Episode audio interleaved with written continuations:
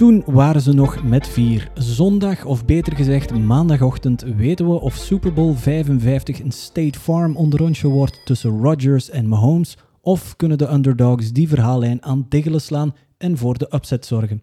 Hoewel, het woord upset hoort niet thuis bij deze teams. Alle vier verdienen ze dat felbegeerde plaatje in de big game. Wij analyseren de divisional games en blikken vooruit op volgende week. Ik ben Rijn en welkom bij aflevering 33 van de American Football Community Belgium podcast, ook deze week gepresenteerd door americashop.be.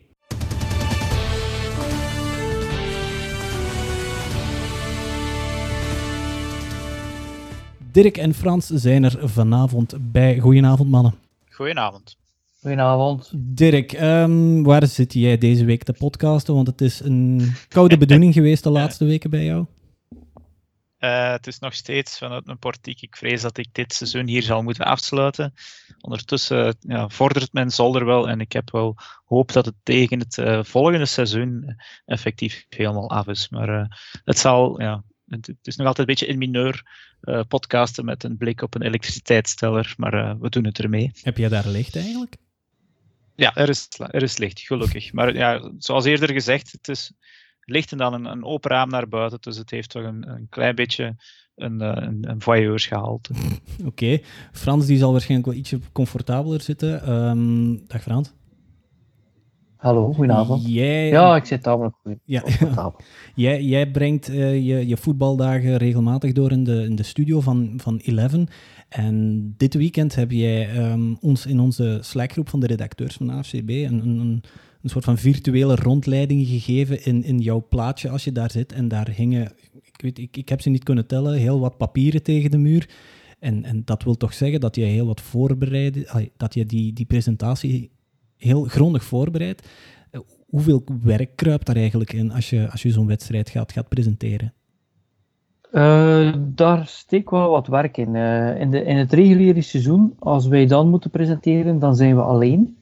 Uh, en dan ben je eigenlijk de commentator. En dan gaat het ook vooral over de juiste namen, de juiste statistieken. Dus dan moet je toch wel wat zaken bij je hebben die je mhm. vlug kan bekijken. Ja. en daarnaast natuurlijk geef je een stukje analyse mee. In de playoffs is Jurgen de commentator, ben ik de analist. Um, en ik kan het altijd zo vergelijken. Uiteindelijk is het zo dat um, uh, iemand die analist geweest is en die wordt commentator, uh, dat is eigenlijk tamelijk moeilijk omdat dat een vak is, een commentator zijn van een sportwedstrijd. Ja. en dat deed Jurgen al uh, eh, 15 of 20 jaar, dat heb ik moeten leren. Aan de andere kant, als je commentator bent en je moet ook de analyse erbij geven, dat is ook niet zo gemakkelijk, omdat je natuurlijk niet de achtergrond van de analist hebt. Hè. Ik, ik, ben coach geweest, ik ben speler geweest. Mhm. Dus voor mij is het gemakkelijk om, om daar dan uit te putten. Wat je nu natuurlijk hebt is, het is nu al een vijftal jaar dat ik ook commentator ben, dus dat deel ben ik ook wel onder de knie te krijgen. En het feit dat Jurgen natuurlijk al 40 jaar, uh, of 35 jaar American Football bekijkt en al 20 jaar presenteert, ja. ja. dat komt dan ook al dat hij ook die analyse begint te kennen. Mhm. uh, maar je moet eigenlijk toch wel een paar uur uh, spenderen aan het voorbereiden van die wedstrijden, omdat er toch van alles kan gebeuren in zo'n wedstrijd. En je wilt toch voorbereid zijn, je wilt toch heel goed weten wat er te vertellen valt. En we proberen ook altijd in die uitzendingen. Ik vind, als ik analist ben, dan moet er iemand moet iets bijgeleerd hebben in die wedstrijd. Je moet een inzicht gezien hebben waarvan je denkt, dat wist ik niet zonder die analist. Niet zomaar staan juichen en zo. Uh, dus, dus vandaar uh, er steekt daar dus wel wat tijd in. Maar wat ik ook wel gezien heb, uh, of, of geleerd heb na al die jaren, uh, hoeveel je ook voorbereid hebt, die wedstrijd is een verhaal op zich. Ja. En stel nu dat jij voor de wedstrijd zegt, mijn keys to the game zijn dat, dat en dat op offense, dat op defense, dat moet die ploeg doen. En dan na vijf minuten is alles out of the window. Ja, er zijn soms analisten die dan heel krampachtig nog altijd hetgeen wat ze voor de wedstrijd zeiden, dat, dat vierkant in die cirkel willen duwen. Ja. En dat heb ik wel geleerd. Nee, op een bepaald moment leidt die wedstrijd zijn eigen leven. En dan is het gewoon, ja, en je voorbereiding en je ervaring samen. En daar zorg je voor dat het een aangename wedstrijd is voor, uh, voor, de, voor de kijkers. Wat er ook heel belangrijk is, de reden waarom je je goed moet voorbereiden, is omdat het na drie quarters ook volledig voorbij kan zijn. Uh, en dan zou het wel eens kunnen zijn als je. ja, als, als het gewoon vier touchdowns scheelt en het, er gaat gewoon niks voor één van de teams, dan heb je wel nog een uur dat je moet doorkomen waar je eigenlijk weinig kan zeggen van uh, blijf kijken voor de spanning van de wedstrijd, maar misschien wel van ik ga je nog een paar interessante dingen vertellen. Daar is Jurgen heel goed in, in al die weetjes en dan hebben wij ook meer tijd om iets uit te breiden over andere zaken. En we beantwoorden natuurlijk ook vragen van uh, kijkers uh, op de 11 NFL Facebook groep, ja, waar mensen dus live vragen kunnen stellen. Dus ja. Heb, heb je een toevallig een wedstrijd van de Jets of zo moeten presenteren? Die, die 40-3 uh, tegen de Seahawks bijvoorbeeld. Uh, kan je zo'n wedstrijd voor de geest halen waar je inderdaad de boel moest opvullen, zal ik maar zeggen? Ja, maar wij hebben, wij hebben een keuze uit een paar wedstrijden. Dan kiezen we meestal de interessantste. Maar het gebeurt wel dat we bijvoorbeeld in het begin van het seizoen wedstrijden kiezen waarvan we denken dat ploeg, die ploeg is niet slecht, maar die zal waarschijnlijk niet in de playoffs komen laat ons die nu maar kiezen, zodat we dat niet op het einde van het jaar moeten kiezen, als die eigenlijk misschien niet meer in de running zijn. Ja, ja, ja. En dan kan je natuurlijk een wedstrijd hebben, ja. En wat er vooral is, doordat ik natuurlijk honderden wedstrijden zelf heb gespeeld en gecoacht en duizenden heb gezien, ik heb ongeveer wel zo'n, laten we zeggen, sixth sense om te weten wanneer het gedaan is. Het, mhm. het zou me echt soms moeten verwonderen dat ik daar ongelijken heb. En ik moet natuurlijk vermijden, als ik dat gevoel heb, dat ik dat niet overbreng naar buiten, dat ik toch nog altijd tegen de mensen zeg, kijk ja, two-score game, maar kijk, uh, twee keer een touchdown, twee keer een, een two-point conversion, en ze staan er weer bij. Hè? Dus uh, als je daar natuurlijk in gelooft, dan weet je weinig van voetbal soms. Ja. Maar uh, we proberen dat wel. Ik bedoel, en in sommige gevallen kan het wel. Uitzonderlijk komt er wel eens iemand terug. Ja. Je ziet wel wat er gebeurde met de Steelers en de, de Browns. ik zeg niet dat de Steelers die wedstrijd nog konden winnen, maar op, als die fourth down daar wordt anders aangepakt door Tomlin, kan het nog, nog verrassen. Hè? Die, die punt bedoel je? Ja, die punt, ja. ja, ja. ja Oké, goed. Uh, ja, en wij maar denken dat in een, in een podcast soms uh, veel, veel voorbereiding kan, kan kruipen. Nee, uh, goed dat we dat weten. Um, de, de Championship Games, zijn die te bekijken op 11 dit weekend? Ja, die zijn te bekijken voor 11 zondagavond met Jurgen als commentator en mezelf als analist. Ja, dat is om 9 uur, denk ik zeker. Hè? Ja, 9 uur en 12 uur 30 of 12 uur 40. Ja, een nachtje doordoen, zeg. Ja. Voilà. Oké, goed. Uh, dan kunnen we direct naar het NFL-nieuws gaan, denk ik. Want ik, uh, ik weet niet, de, in, in college valt er voorlopig niks meer te rapen, hè, Dirk? Nee, nee, nee. Buiten de ja, spelers die zich aan het voorbereiden zijn op de draft, valt er weinig nog over te zeggen. Misschien een klein nieuwtje voor die college-spelers. De NFL Combine zal dit jaar niet doorgaan zoals we andere jaren gewend zijn. Vorig jaar was dat nog ongeveer het laatste dat doorging, vlak voor alles dichtging in Amerika. De combine zal, ja, de workouts zullen niet op het veld gebeuren van de combine zelf, maar in de clubs van de, uit de scholen van de spelers zelf. Dus het zal allemaal tijdens die verschillende pro-days gebeuren en niet allemaal op één uh, ja, moment zelf. Dus dat zal toch ook weer een beetje aanpassen worden uh, ten opzichte van vorig jaar. Ja, dat is meestal, dat is altijd in Indianapolis zeker? Normaal gezien is het inderdaad uh, in Indianapolis. Maar dus nu zullen we onze ogen moeten richten op de campussen in Alabama, in Clemson, in Ohio State en dergelijke meer. Uh, om die spelers individueel aan het werk te zien. Dus ja, dat, dat is toch wel een beetje nieuws. Ja, ik ben wel benieuwd hoe dat, dat er televisioneel gaat uitzien. Dan, uh, oei, ik, ik zie nog niet direct een, een soort van format daarin. Tenzij een of andere gigantische multicam dat ze van uh, campus naar campus uh? Nee, nee dat, dat, is op, dat is op verschillende dagen. Hè. Dus, dus de, de Pro Day van Alabama is, ik zal nu zeggen, uh, ergens zaterdag zoveel februari en dan een week later is het in Clemson te doen. Dat is bijna nooit op, op dezelfde momenten. Normaal gezien is het ook na de combine om de spelers nog de kans te geven die nog hun workout niet hebben kunnen doen door blessure of dergelijke. En daarom is het ook allemaal op verschillende momenten om die scouts ook de kans te geven om naar die campus te gaan. Maar ook dat zal dit jaar weer anders zijn, dus het is nog een beetje afwachten. Alright, okay. NFL Network vorig jaar is ook, en andere tv-stations zijn ook aanwezig geweest bij Pro Days. Dus je kan er nu zeker op rekenen dat als de combine niet doorgaat, dat NFL Network dit wel zal melken.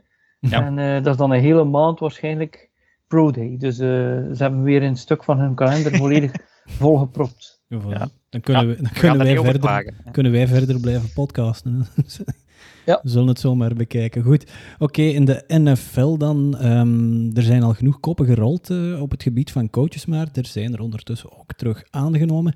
En een van die eh, coaches die een nieuwe job heeft gevonden, dat is Brandon Staley, de voormalige defensive coordinator van de LA Rams. Die heeft een, eh, een job gevonden als headcoach bij de Chargers. Dirk, jij weet daar meer van. Ja, voor hem is het handig. Hè. Hij blijft in hetzelfde stadion, eh, blijft in dezelfde Ja. stad. Hij moet niet verhuizen. Hij kan van de, van de, de, EFC, eh, van de NFC naar de EFC gaan. Dus op dat moment ook daar allemaal geen probleem. En hij kan van een coördinatorfunctie naar een headcoach-functie gaan. Dus ehm, high fives all around, denk ik, in de Staley-familie. Ja. Eh, des te meer omdat hij eigenlijk nog een vrij jonge, onervaren coach is. eh waarvan het toch niet echt verwacht was dat hij na één jaar coördinator te zijn in, eh, bij de Rams al direct voor, voor het hoogste mag gaan in die andere ploeg van Los Angeles. Mhm. Uh, dus op dat vlak is het toch wel een beetje verrassend, want ja, de, de Rams waren uiteraard een sterke defense. Maar ja, rekende die niet vooral op, op die twee toppers, zijn de Jalen Ramsey en Aaron Donald, dan op de, de coordinator uh, zijn scheme.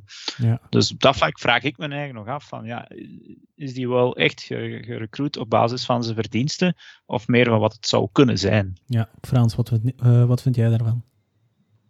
Ja, ik, ik, denk dat het te maken heeft dat uh, alles wat McVeigh aanraakt, dat dat goud wordt. Dus ja. uh, iedereen die bij hem zit, uh, heeft op een of andere manier ja, dan een soort ja, aha, leerlevenis, waardoor, waardoor die mensen headcoach material zijn. Nu, men zegt dat hij jong is. Ik bedoel, wat is hij, 38? Ja, hij is, is oud als ik, dus dat is nog vrij jong naar een NFL. Ja, McVeigh was 30 als hij headcoach werd bij de Rams. Hij was dan de jongste mm -hmm. NFL uh, headcoach ooit. Um, wat ik zou zeggen is, ik denk dat het hier eerder uh, het volgende is. Ze hebben een tamelijk goede defense. En ik denk dat ze dus de defensieve kant van hem gaan gebruiken daarvoor. Ja. En ze zitten gebeteld op uh, quarterback. Dus dan moet hij gewoon zorgen dat hij uh, een, een goede offensive coordinator binnenhaalt. En dan zijn ze vertrokken, want ik heb het gezegd in een van de vorige podcasts. Ik zou sowieso een specialist op offense of een specialist op defense willen, die dan kan groeien in die CEO-rol die uh, een headcoach is. Mm -hmm. uh, omdat je daar zoveel aan hebt. Want bijvoorbeeld Belichick, veel mensen vergeten dat. Maar een van de redenen waarom hij zo goed was voor Brady is, dat was een, een defensive coach. Die heeft Super Bowls gewonnen met de Giants als defensive coordinator. En die kon dus zijn defense enorm goed instellen, week na week tegen de volgende tegenstander. Maar omdat hij zo'n defensive mind was, kon hij ook tegen Brady zeggen wat er aan de defense van de anderen scheelde en hoe je dat kon uitbuiten. Ja, ja, ja, dus ofwel, ofwel ja, ben je een hele goede defensive coach en dan kan je ook je eigen quarterback wel helpen, ofwel ben je een uitstekend playcaller of offensive coordinator vroeger geweest, uh, zoals Reed uh, nu ook nog is en uh, Peyton was. En dan breng je dat bij en dan ja, het, het leidinggeven, het, het, het CEO-gehalte, dat komt er dan misschien wel bij. Ja, ja. Oké. Okay. Goed, um, de Falcons die hebben ook een nieuwe headcoach gevonden. Dat is Arthur Smith geworden. Uh, Dirk. Ja, dat is misschien wel mijn favoriete hire van alle headcoaches tot nu toe. Uh, te meer omdat uh, Arthur Smith, voor wie hem niet kent, hij is de zoon van de, de, de, de, de CEO uh, Frederick Smith van FedEx. Dus het is echt wel een rijke luis. Zoontje, letterlijk gewoon. Maar dan niet in de figuurlijke zin van het woord. Maar hij heeft zich echt wel opgewerkt doorheen de coaching ranks. Hij is in 2011 bij de Titans begonnen en daar komt hij nu ook van. Als Defensive Quality Control Coach. Ik weet zelfs niet wat een Quality Control Coach doet. Uh, maar het lijkt mij de laagste ladder te zijn in de coaching. Uh, ja, de, de, laagste, de laagste sport in de coachingladder te zijn. Ja. En hij heeft zich dan langzaam opgewerkt over uh, tight end uh, assistant coach, naar tight end coach, naar offensive coordinator en dan nu naar head coach van de Atlanta Falcons. En ja, hij is op basis van die, die offensive coordinator twee jaar bij de Titans wel gerecruiteerd nu bij de Falcons. Want dat, is het, dat zijn de twee jaren waarop dat uh, zowel Ryan Tannehill echt uh, ja, ontluikt is eigenlijk als een, als, een, als een top quarterback. En Derrick Henry, ja, we weten allemaal wat hij de laatste twee jaar gedaan heeft. Um, dus op dat vlak, het is een offensieve coach die de Falcons nu, nu, nu kiezen. Dus op dat vlak denk ik wel dat, uh, dat met Ryan en, en ja, Julio Jones en, en Calvin Ridley er enthousiast over kunnen zijn. Maar ligt het probleem bij de, bij de Falcons niet vooral op die defense? Die hebben toch redelijk... Uh, ze kunnen punten op het bord zetten, maar ze hebben toch redelijk wat gechoked dit, uh, dit jaar. Dat was, een, dat, dat was een beetje de running gag van de eerste zes weken, denk ik toch? Ja, ja daar, op dat vlak heb je daar wel gelijk. Ja, Frans, weet jij misschien wat dat die term betekent, wat, uh, wat Dirk daarnet aan, aanhaalde? Een, een quality control, uh, defense quality control manager? Well, ik ga je zeggen, uh, ik weet dat Bill Belichick zijn coachingcarrière is begonnen in 75 bij de Baltimore Colts. Dan was hij special assistant.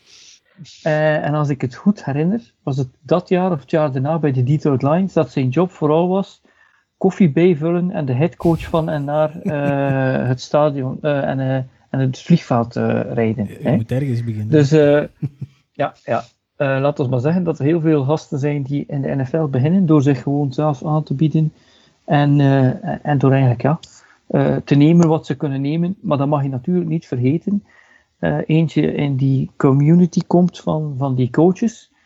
Die zorgen ook voor elkaar. En als je natuurlijk vlug van aanpakken bent, ik bedoel, er bestaan beelden van John Gruden, die als een jonkie ergens bij de Packers of de 49ers daar in de achtergrond loopt, waarvan je denkt, dit, dat zal dat nooit de headcoach kunnen zijn. maar ja, het is echt wel iets waar je vooral kan leren door het op te pikken, door daar rond te zijn, rond die sport. En dus het doet er niet toe hoe je er binnenkomt. Um, wat, wat ik, ik vind dat uh, Dirk gelijk heeft. Uh, ik vond dat een van de meest, uh, ja, laten we maar zeggen, interessante hires. voor de simpele reden dat dat inderdaad iemand is.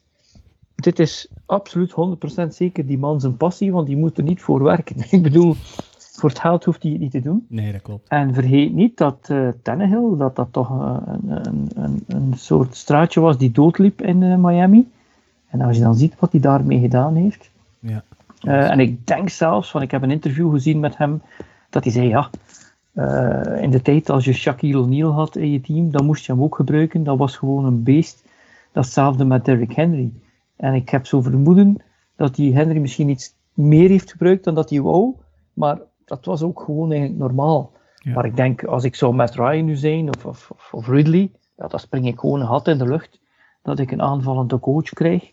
Uh, want ja, je ziet ook wel weer hoe teams toch weer, hoe die pendulum swingt. Uh, de vorige coach was, een, uh, was vooral een defensive coach, Dan Quinn.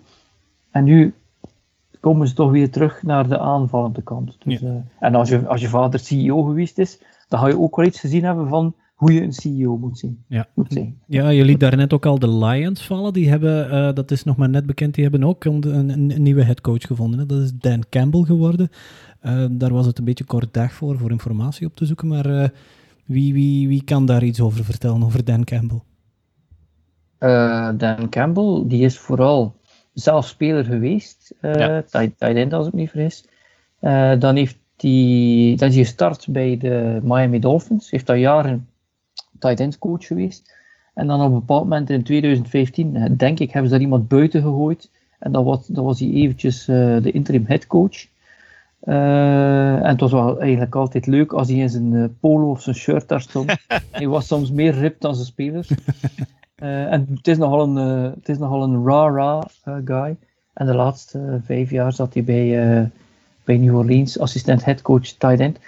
Ik zou eerlijk zeggen, als ik dat zie of zag, uh, is dat die defensive brain? Nee. Is dat die offensive brain? Nee. Is dat het die CEO-type? Nee. Ja, hmm. dan is het, uh, ik zal zeggen, uh, de vorige headcoach die daar binnen gehaald is, was met veel meer bombari en het was van de Bill Belichick tree en hij ging het allemaal eens veranderen. Ja. Het was de defensive guru met Patricia. Hij is met veel meer, ja, zeggen, ja, fanfare binnengehaald dan dit hier. Maar je moet natuurlijk iemand een kans geven. Ja, maar voor mij is dat een, niet echt een sexy hire, ik zal het zo zeggen. Nee. Ja, nee, het is inderdaad, het, is ook, uh, het doet mij een beetje denken aan die, die die college coaches, de strength and conditioning coaches. Dat zijn dan van, ik noem die altijd coach mediums. Dat zijn van die mannen die, die, een meter breed zijn en eigenlijk zich toch in een, eh, een mediumpje willen, willen, willen wurmen, om dan zo uit een, t-shirt te barsten. Zo ziet hij er ook een beetje uit. Uh, dus zijn kwaliteiten, dat is nog een beetje, het valt er nog wel, aan te zien. Hij is nooit een coordinator geweest, dus geen defensive coordinator, geen offensive coordinator. Het hoogste dat hij eigenlijk heeft bereikt is tight end coach. En dan ja, assistant assistant to the head coach. Ja, ik weet niet wat dat daar juist wil voorstellen. to the head coach. Doe me denken aan The Office. Ja. ja. ja. hij, hij, denk, hij, is inderdaad misschien eerder, als, want hij is wel heel energiek. Dus hij gaat met, uh, met Salah uh, van de Jets uh, volgens mij een wedstrijdje doen om het meest energiek te coachen naast de zijlijn. Dus hij zal die ploeg wel een beetje kunnen, kunnen, kunnen aanvuren. Maar het blijft inderdaad nog de vraag of dat hij ook de inhoudelijke capaciteiten heeft um, om, om een headcoach te zijn. Dus hopelijk hij zal zich moeten omringen daar met een goede defensive coordinator en een goede offensive coordinator. Uh, en ja, kijken of dat ze Matthew Stafford kunnen of willen houden. Dus uh, bij de Lions zijn er nog veel vraagtekens, eerlijk gezegd. Maar Jim Harbaugh, uh, John Harbaugh was ook special teams coordinator ja. voor hij naar de Ravens headcoach werd. Dus ja, je weet dat nooit helemaal. Je weet het nooit. ik, ik had zijn broer trouwens verwacht eigenlijk in die functie bij de Lions, maar het is er uiteindelijk toch niet van gekomen. Dus geen tweede Harbaugh terug in de NFL. Hmm. Oké. Bij andere ploegen zijn er nog altijd openingen. Hè. De, de, de, de vacature is nog niet ingevuld bij onder andere de Texans en bij de Eagles ook nog niet. Um, ja, wie zien we daar uh, verschijnen, Dirk? Ja, bij de Texans zal het er een beetje van afhangen, want er, er, we gaan het er misschien al bij nemen, maar het is er een, uh, een, een fucked up situatie daar bij de Texans. Ja, neem dat er gewoon. De kandidaat. Ja, ja, het, het, ja, Watson dreigt daar te vertrekken omdat hij niet betrokken was bij de, uh, bij de, bij de keuze van de GM. Allee, er zullen nog wel andere dingen spelen. Uh, Nick Casario, de GM, die komt van uh, de Patriots. Een van de kanshebbers is er Josh McDaniels, ook iemand van de, van de Patriots. Volgens mij, als die erdoor komt, pakt Watson zijn biezen, want dat wil gewoon zeggen dat ze echt niet naar hem geluisterd hebben. Leslie Fraser van de Bills is dan weer een kandidaat. Uh, dat lijkt me dan weer eerder een compromisfiguur, een, een, wat, een al wat oudere, want de meeste van die nieuwe headcoaches zijn dan jong, jonge en upcoming mannen. Leslie Fraser is al een, een, een, zestiger volgens mij. Het is ook dan een Afro-Amerikaanse coach, dus misschien gaan ze het een soort vredesfiguur om Watson te houden, hem dan, dan huren. Maar uh, ja, het ziet er daar gewoon niet goed uit, moet ik zeggen. Oké. En uh, bij de Eagles, uh, de kanshebber, of een van de kanshebbers die rondzweven, zou Brian Dable zijn, Frans? Dat kan, hè. dat uh, lijkt een van de sterkste kandidaten. is offensive coordinator van de Bills, zeker? Hè? Ja. ja. Ja, ja. ja, en Fraser is alweer de defensive coordinator. Dus stel ja. dat die er doorkomen, wordt die leeggekocht. Ik heb, ik heb zo vermoeden dat dat zou wel eens kunnen zijn dat ik zelfs nog een kans maak om headcoach van de Texans te worden. Omdat gewoon uh, niemand zal er naartoe willen gaan. Zoals je zegt, dat is er een totale clusterfuck. Um, en de Eagles, dat, dat zit zo. Uh, dat zou wel eens BNMI kunnen zijn. Gewoon omdat uh, Reed kent Jeffrey Lurie.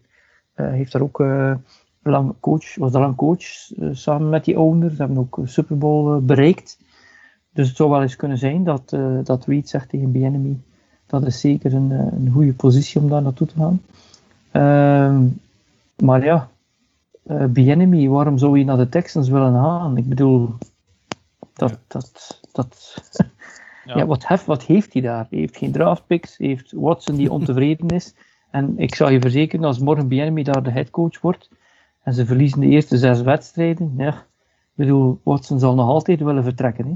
Ja. ja. Texans zitten ook nog eens, uh, wat is het, 20 miljoen bijna onder de, onder de, onder de cap space. Dus, uh, erover. Of erover, Eronder, ja, nou, Daaronder wil iedereen zitten, maar zij zitten, er, zij zitten erover. Ze hebben geen picks, ze hebben geen coach. Ze hebben, Het feit dat we niets horen van de Eagles en de Texans is waarschijnlijk dat Bienemy en Dayball daar uh, bovenaan staan. Ja. En Frazier, ja, ik vond dat geen slechte coach, maar het is ook geen echt charismatisch figuur. Dus, nee. nee. Oké, van uh, charismatische figuren gesproken. Een van de spelers, of een van de meest charismatische spelers van de, van de NFL van de laatste oh, 15, 16 jaar, Philip Rivers, die heeft aangekondigd dat hij op uh, pensioen uh, gaat. Uh, ja, niet echt vuilgebekte speler, zal ik maar zeggen. Uh, Integendeel, ik heb, ik heb een mooie compilatie gevonden van, van Rivers die uh, zijn mond een klein beetje voorbij praat. Het is PG-13 zelfs nog niet. Ik denk dat het eerder G is. ik zal het even laten horen. Can't play with 12, Greg! Hey, Greg, you can only play with 11, Greg! JT, don't dance with him, run him over. Don't dance with him. You weren't even close to making that play. You got a hand on it. You weren't even close. Hey, pooch kick right over here at you, not not. Hey, yeah, little blistered things. Awesome. Hey, hey, hey! Oh, honey. Oh, whoop, whoop. Oh, that baby. Golly. Uh-oh. Shoot. Oh, my gosh. Shoot. That going. Aggravates the stew out of me. Sheesh. Een van die laatste die, die, die blijven onthouden, hè. Dab Gummit. Ai, wie zegt, ja, is... wie, wie zegt zoiets? Iemand, die, iemand die heel gelovig is en negen kinderen heeft. dat, is, een goede link, inderdaad. Ja, voilà. ja hij, vertrekt. Ah, het is, hij, heeft het aangekondigd uh, in een interview vandaag. En hij zei de, de woorden: It is time. Dus is, hij heeft zijn eigen er gewoon bij neergelegd. Hij heeft dan, um, eens even kijken, hij speelde van 2004 tot vorig jaar speelde hij dan bij de Chargers. En dan één seizoentje nog uh, bij de Colts, waar dat je het toch in de ja, in, in, in de playoffs heeft gehaald. Hè. En, en uiteindelijk, het, het, is nooit een opvallend figuur geweest. Het is altijd wel een sterk leidersfiguur geweest. Maar als je zijn cijfers bekijkt, kunnen we de discussie van een Hall of Fame toch opentrekken, denk ik. Het, uh, Frans? Ja, ik, ik, ik ben eigenlijk uh, verwonderd dat hij, uh, dat hij retired. Um, in de laatste zeven jaar had hij maar één keer een hogere passer rating. Eh, dan dit seizoen. Uh, hij had niet zoveel touchdowns, maar ook niet zoveel interceptions. en dat had ik net wel verwacht. Mm -hmm. hij had een uitstekend record. Um, zit in de playoffs. Dus voor mij, ik denk dat het eerder is dat hij nooit wil de backup zijn. Dus dat hij waarschijnlijk eigenlijk volgend jaar nog had kunnen spelen. Maar dat er ook wel een kans was dat hij dan misschien phase-out en een nieuwe phase-in zou zijn. Of omgekeerd iemand starten en hij dan misschien, en, en dat wil hij misschien niet. als je ziet, ehm, als je alle blessures ziet die Drew Brees dit seizoen heeft gehad, van mhm. die zou ik dan verwachten, als je dat meemaakt dit jaar, dat, dat, dat, kan je lichaam niet nog een keer een jaar aan. Terwijl Rivers was gewoon gespaard van blessures dit seizoen. Gooit meer dan 4000 jaar, uh, bijna 100 uh, eh, rating, 97 rating. Playoffs, dus ik had nu net verwacht dat hij wel ging blijven. Ja. Uh, wat nu betreft zijn legacy, is het wel zo.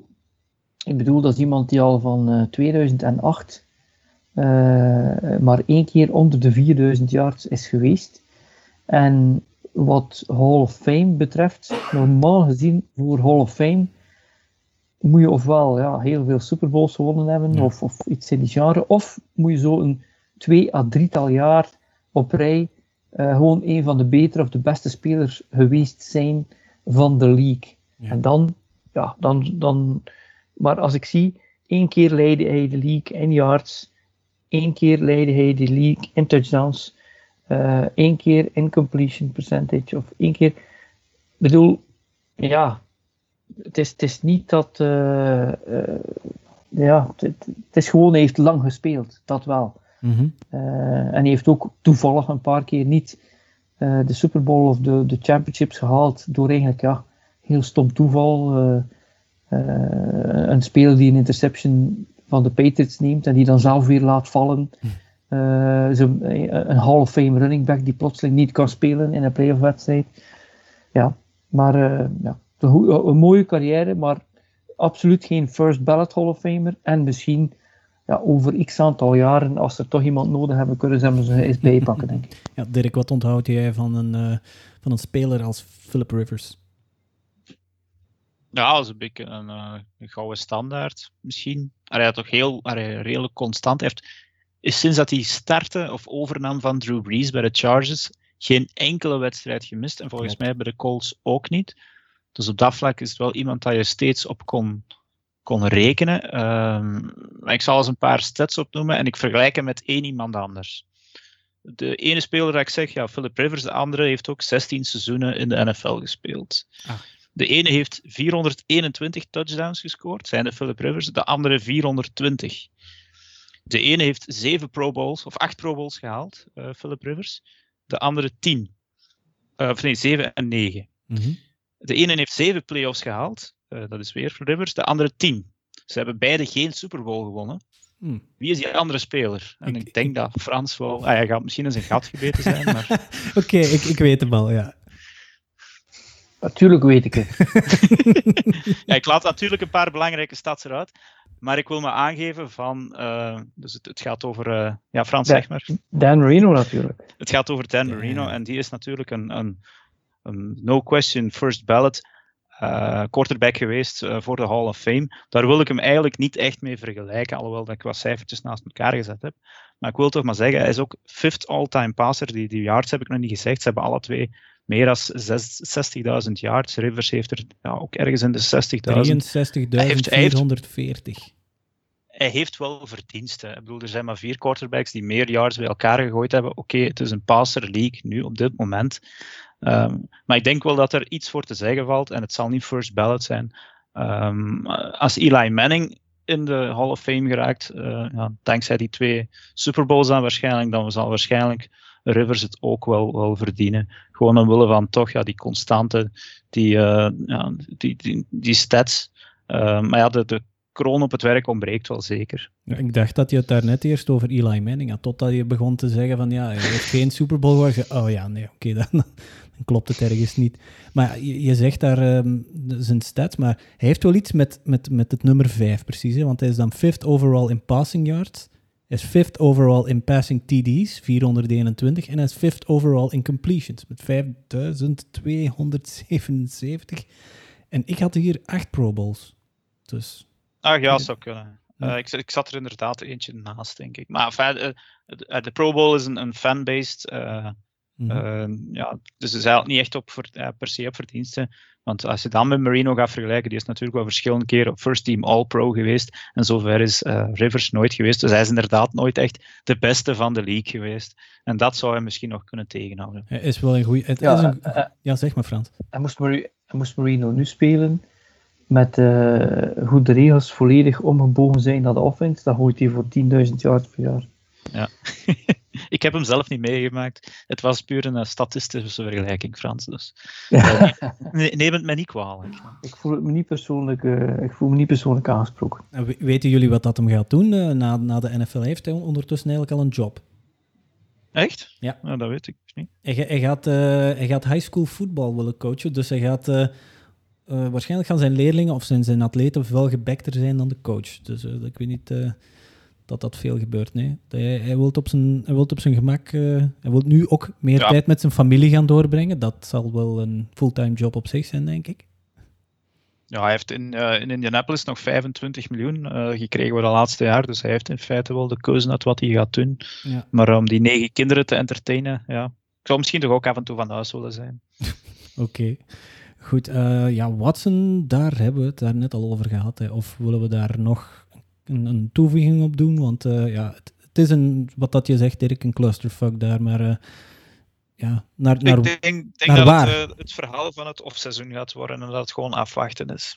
ja, want de Jets, die hebben, hem, die hebben hem laten passeren in de draft in, wanneer was het, 2017?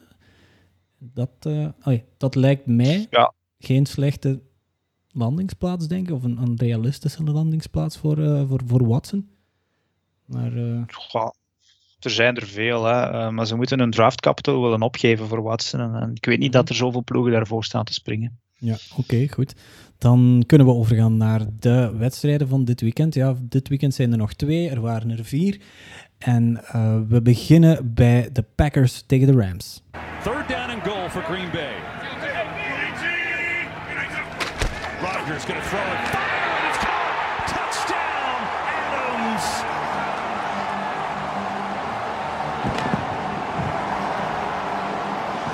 So here's our, really our first opportunity to kind of see this one-on-one matchup during the course of the game. It's really been more of Jalen Ramsey playing the star. Here he is going against Devontae Adams, going to follow him all the way across.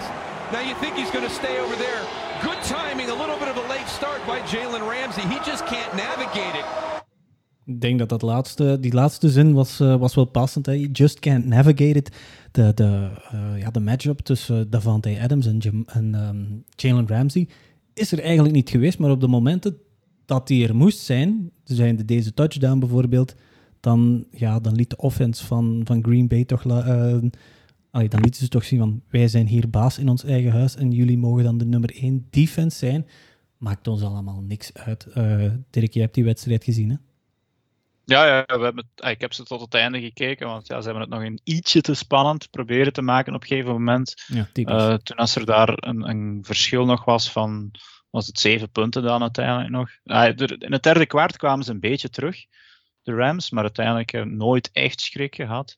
En, en de, de, Packers hebben het heel slim gespeeld. Het ging al heel de week over. Adams tegen Jalen Ramsey. En zelfs die touchdown was in feite, ja, het was een geniale play met een perfecte timing. Uh, ja. Ramsey kon er nooit van zijn leven bij zijn. Het was niet zijn schuld. Hij moest dan nog rond een eigen speler gaan lopen. Mm -hmm. uh, dus, dus, op dat vlak hebben ze het gewoon slim gespeeld en hard op de run gespeeld van Aaron Jones en ook uh, Jamal Williams. die hebben alle twee hun werk gekregen en, en, en hebben dat perfect gedaan. En daarnaast heeft Rodgers gewoon dimes kunnen uitdelen aan al zijn receivers deze keer. Er was maar één vieze drop, niet van MVS, maar van Alan Lazard, die het dan daarna heeft goed gemaakt met, met een touchdown. Uh, was aan het vangen, Lazard was aan het vangen, Adams was aan het vangen. Ik heb volgens mij zelfs Equanimus St. Brown een keer gezien die een bal kon vangen. Dus uh, bij, bij, de, bij de Packers ging het eigenlijk, ja, het klikte op alle cilinders. En er was eindelijk eens volk in het stadion en het was ook in het stukje te horen. Ik denk dat er maar een, een, ja, een 6000, 7000, ik weet het niet juist nee. hoeveel dat het waren, maar ze, ze klonken in ieder geval als een, een vol stadion. En ik denk dat dat ook toch wel wat meegespeeld heeft. Uh, voor het eerst eigenlijk geen fake game sounds in Lambo, maar echt volk. Uh, dus ja, een goed rapport voor de Packers eigenlijk. 7439 aanwezig en de, het overgrote deel dat zullen wel Packers-fans uh, geweest zijn. Uh, Frans, heb jij die, die, die touchdown van, van Rodgers naar Davante Adams, heb jij die geklokt op uh, de balrelease van, uh, van Rodgers? Want dat moet volgens mij een wereldrecord zijn. Ja, het was een uitstekende play van, van Rodgers, maar wat je vooral zag is de frustratie van, van, van Ramsey. omdat hij de filmstudie wel heeft gedaan. Je ziet dus duidelijk dat Ramsey enorm pissed off is Mm-hmm. Dat zijn medespeler niet doorheeft wat er gaande is. Hè. Ramsey moet meelopen. Het is, het is gewoon uh, zo ingesteld dat hij moest meelopen met die, uh, met die beweging, met die motion. Mm-hmm. Maar Ramsey moet er ook van uitgaan als ik terugkeer dat uh, mijn medespeler moet doorhebben dat als het dan onze kant op gaat, dat hij gewoon moet helpen coveren. En, en ja, voor Ramsey is dat, is dat natuurlijk sneu, want die, die, het ziet er dan naar uit alsof hij het, uh, dat hij het verknoeit. Uh, dat hij het heeft verknoeid en het is zo niet. Maar natuurlijk, uh, ja, Rodgers die was echt on point. wat je ook zag is, ik moet wel zeggen, allee, Donald, die, die was geen 100%. Je hebt een van de beste nee. defensive spelers van de NFL, die niet top is, dat, dat zag je. En dat, dat was een verschil je quarterback die speelt in koud weer met, met, met pinnen in zijn duim waarmee je moet mee gooien. Ja. En dan toch was het op een bepaald moment 1825, dan denk je bij jezelf, ja.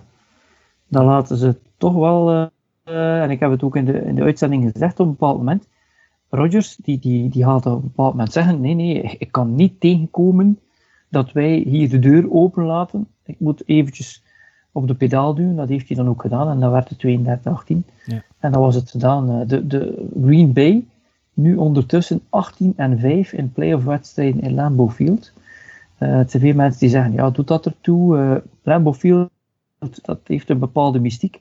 Uh, dat is ook ja, de, wind, het weer. En ook al zijn er nu weinig, weinig supporters of fans die daar mogen zijn. Mm het zal sowieso lastig zijn voor gelijk wie die daar komt in de playoffs om uh, te willen winnen. Heb je, heb je het, zelfvertrouwen dat, dat Aaron Rodgers uitstraalde van heel die wedstrijd eigenlijk? De, de, de camera's hebben hem regelmatig kunnen betrappen op zo'n een, een, ja, een, een, brede grijns. En zelfs bij die, bij die play, bij de laatste touchdown naar Alan Lazard was het. Je zag hem gewoon naar links kijken en, en, en zo heel even dat vingertje omhoog en je ziet hem echt zo, hey Alan, en die, plan, en die play begint. Het, is, het, het, het zelfvertrouwen spat er gewoon af van die man. En ik denk dat ze deze match echt wel nodig hebben, nu dat ze de Buccaneers voor zich krijgen. Dat alle receivers, oké, die ene drop van Lazard is goed gemaakt met die mooie catch dan, uh, voor, die touchdown. Dus ik denk dat, de, ik denk dat ze allemaal wel scherp staan. En dit hadden ze echt wel nodig naar, uh, naar zondag toe. Maar daar, daar, komen we, daar komen zo dadelijk nog... Uh, daar komen ze zo dadelijk nog toe. De uh, tweede wedstrijd van die zaterdag, van de Divisional, die hebben de meeste mensen volgens mij, ja, volgens mij niet kunnen zien, want dat was in, uh, in het kot van de nacht. Um, een spektakelwedstrijd was dat niet, maar uh, ik denk dat het meest spectaculaire play, dat die wel van hier kwam. Justice Hill is in the backfield, flanking Jackson. He stays in the block. Jackson fires, and that will be intercepted in the end zone by Johnson. Karen Johnson. And only Jackson can stop him now. Too late to the end zone. Touchdown. Ja, dat um, was in Orchard uh, Park van de Bills. En het stond 3-3 aan de rust. Dirk, ik denk dat we iets meer van die wedstrijd hebben verwacht. Hè? Ja, zeker. Uh, het was uh, de wedstrijd waar ik eigenlijk even de meest spannende wedstrijd verwacht, dat dicht bij elkaar zou liggen. Maar het was gewoon uh, ja, ja, een snoesfest eigenlijk een beetje, want 3-3 aan de rust. Uh, letterlijk voor mij dan, want ik heb het niet gehaald uh, na, na, die Packerswedstrijd. En ik weet niet dat Frans nog commentaar aan het geven was bij die wedstrijd. Ik dacht dat ze die overgeslagen hadden, maar ik durf het niet zeker zeggen. Dat die was origineel commentaar. Ah ja, kijk, zie. het was ook veel te laat. Um, nee, er, er, waren eigenlijk weinig positieve punten die ik heb kunnen opschrijven. Want de Bills 17 punten, de Ravens 3. Zeven van die 17 zijn dan nog van een, uh, die interception die we net gehoord hebben. Klopt. Dus ja, hebben, hebben we van Allen eigenlijk gezien wat we, wat we moesten zien. Uh, Oké, okay, de Ravens hebben wel een deftige defense, maar ja, ik, ik, ja, ik, ik, ik, bleef op mijn honger zitten toch bij het kijken naar de samenvatting. Bij de Ravens helpt het natuurlijk niet als Justin Tucker plots uh, field goals links en rechts gaat doinken. Hm. Uh, dat, daar, daar mist hij dan ook nog een aantal punten. Ja, mag, mag ik maar, even met, ja. die, met die doink, want die heb ik, die heb ik gevonden. Secondje. Almost never misses. The 41-yard attempt.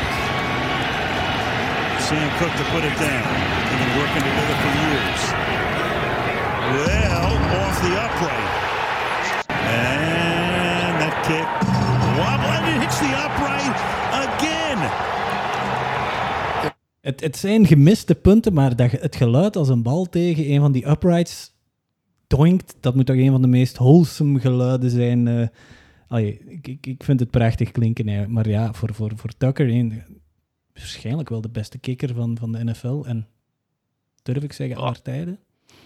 Dat moet wel pijn doen, denk ik, want het, het, het toont ja. precies... Oké, okay, de, de, omstandigheden daar in Buffalo waren verschrikkelijk eigenlijk. Die wint, je zag van, van het moment dat die bal een beetje hoogte kreeg, dat hij gewoon dat die van richting verandert. Dus ja, je kan zeggen van dat hij niet clutch is in playoff games. Maar dat is een beetje misschien een klein beetje disrespect aan doen aan Tucker. Want voor de rest is die, is die, uh, is die pinpoint accurate. Hè? Ja, maar niet in de playoffs. Dat is het punt. Ja, en uh, wanneer het ertoe doet. Um, dat was, ah ja, dan vergeet ik nog te zeggen dat Lamar Jackson een hersenschudding heeft uh, opgelopen tijdens die wedstrijd. Ja. Misschien de belangrijkste takeaway. Maar ja, ja ik, ik, ik onthoud hier weinig van. Oké, okay, Frans? Ik ben eigenlijk niet akkoord. Um, okay. ik, ik vond, uh, je hebt soms wedstrijden uh, die 34-31 zijn, en die achteraf eigenlijk zegt tegen jezelf, het is saai. En dan heb je wedstrijden, zoals die Super Bowl een paar jaar geleden, die was low scoring, maar die was niet saai. En hier vond ik dat ook wel. Omdat het eigenlijk uh, heel leuk was om te zien hoe een team uh, met zijn coaching en met zijn, uh, ja, zijn gameplan een wedstrijd naar de hand kan zetten. Je moet maar eens durven, of de balls hebben, om, wat is het, de eerste 27 plays geen enkele keer de bal te runnen. Ja. En daarnaar zitten kijken. Ik bedoel, je zit daar naar te kijken en je denkt telkens, wel, het kan niet, als je op de roulette zet op rood en zwart, het kan geen 34 keer naar elkaar rood zijn. Dan denk je, die gaat die bal nu toch wel runnen. En die blijven dat maar doen. En die defense blijft maar ook denken, die gaan dat niet blijven doen. Dus dat spel, in, eh, dat, dat schaakspel in het spel, vond ik enorm interessant. En wat ik ook heel interessant vind, is dat het nu voor eens en voor altijd bewezen is, als je een van de beste atleten ter wereld in je team hebt, uh, en het draait niet met hem, of hij valt uit, dan ben je ook gezien. Hm. Dat was ook wat we gezien hebben. Ik bedoel, je ziet gewoon dat die Bills een uitstekende offensive line hebben, dat die defense weer langzaam op stoom komt, dat Allen een, eh, een top uh, quarterback is. De running game, dat is natuurlijk wel iets minder. Uh, maar dat ze niet bang zijn om kansen te nemen, om hun gameplannen om te gooien. Maar dat de Ravens, als die dan dit moeten kunnen overkomen, namelijk die, die, die interception return, ja, dat ze een beetje een one-trick pony zijn. Hè? En dan heb je misschien wel die, die, die topatleet, maar zolang die kerel het niet gaat in slagen om ook vanuit de pocket te kunnen passen, dan mag je het vergeten, niet? want Mahomes en Allen en Rodgers, uh, die kunnen allemaal een stukje lopen ook als het moet. Die kunnen mhm. de play extenden, die kunnen dat allemaal. Maar die zijn al veel slimmer geworden na al de tijd om dat veel minder te doen. En als ze het dan doen, dan loopt het nog soms verkeerd af. We gaan daar straks wel over praten, over ja. Mahomes. Ja, ja, ja. Dus, dus ik vond het wel een spannende wedstrijd, gewoon voor het, het, het spel in het spel, het, het schaakspel van de coaches, van hoe ze eigenlijk de anderen op het volledige verkeerde been gezet hebben om die wedstrijd uh, binnen te halen. Vergeet ook niet, Josh Allen is dit seizoen nu 6 en 0 tegen uh, defenses die in de top 10 zijn. Kijk, dus je gaat al moeten met een serieuze defense afkomen om, uh, om hem eigenlijk te kunnen ja, in de problemen te brengen. En wat ook wel speciaal vond, is die kerel die die interception return gedaan heeft, als ik me niet vergis, was ah. hij uh, die kerel die in de combine bij een drill, waar je moet van de zijkant van het veld naar de andere kant lopen en je moet telkens links kijken, rechts kijken en ze gooien de bal, die uh, vertrok en die naar de verkeerde ja. kant keek en die bal Wat? rechts tegen zijn kop kreeg. ja, juist. maar het, het, was wel een heel getelefoneerde interception. Hè? Ik heb daar een, een, een heel goedkope uh, excuus voor, zal ik maar zeggen. Van, de, de, de tenues van, van de Buffalo Bills die waren de exact dezelfde kleur als de, als de, als de endzone kleuren. Dus, dus kan je daar misschien iets voor maken? Want het was een, het was, het was een verschrikkelijke pas eigenlijk van Lamar Jackson.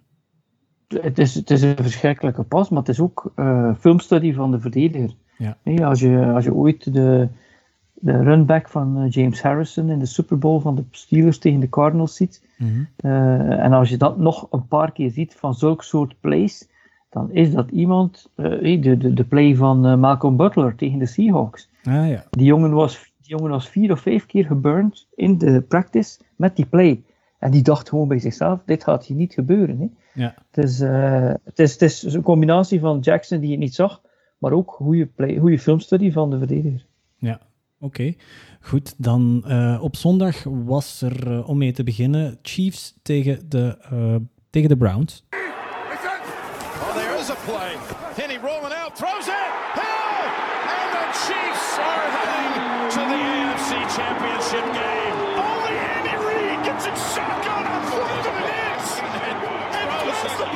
With his backup quarterback.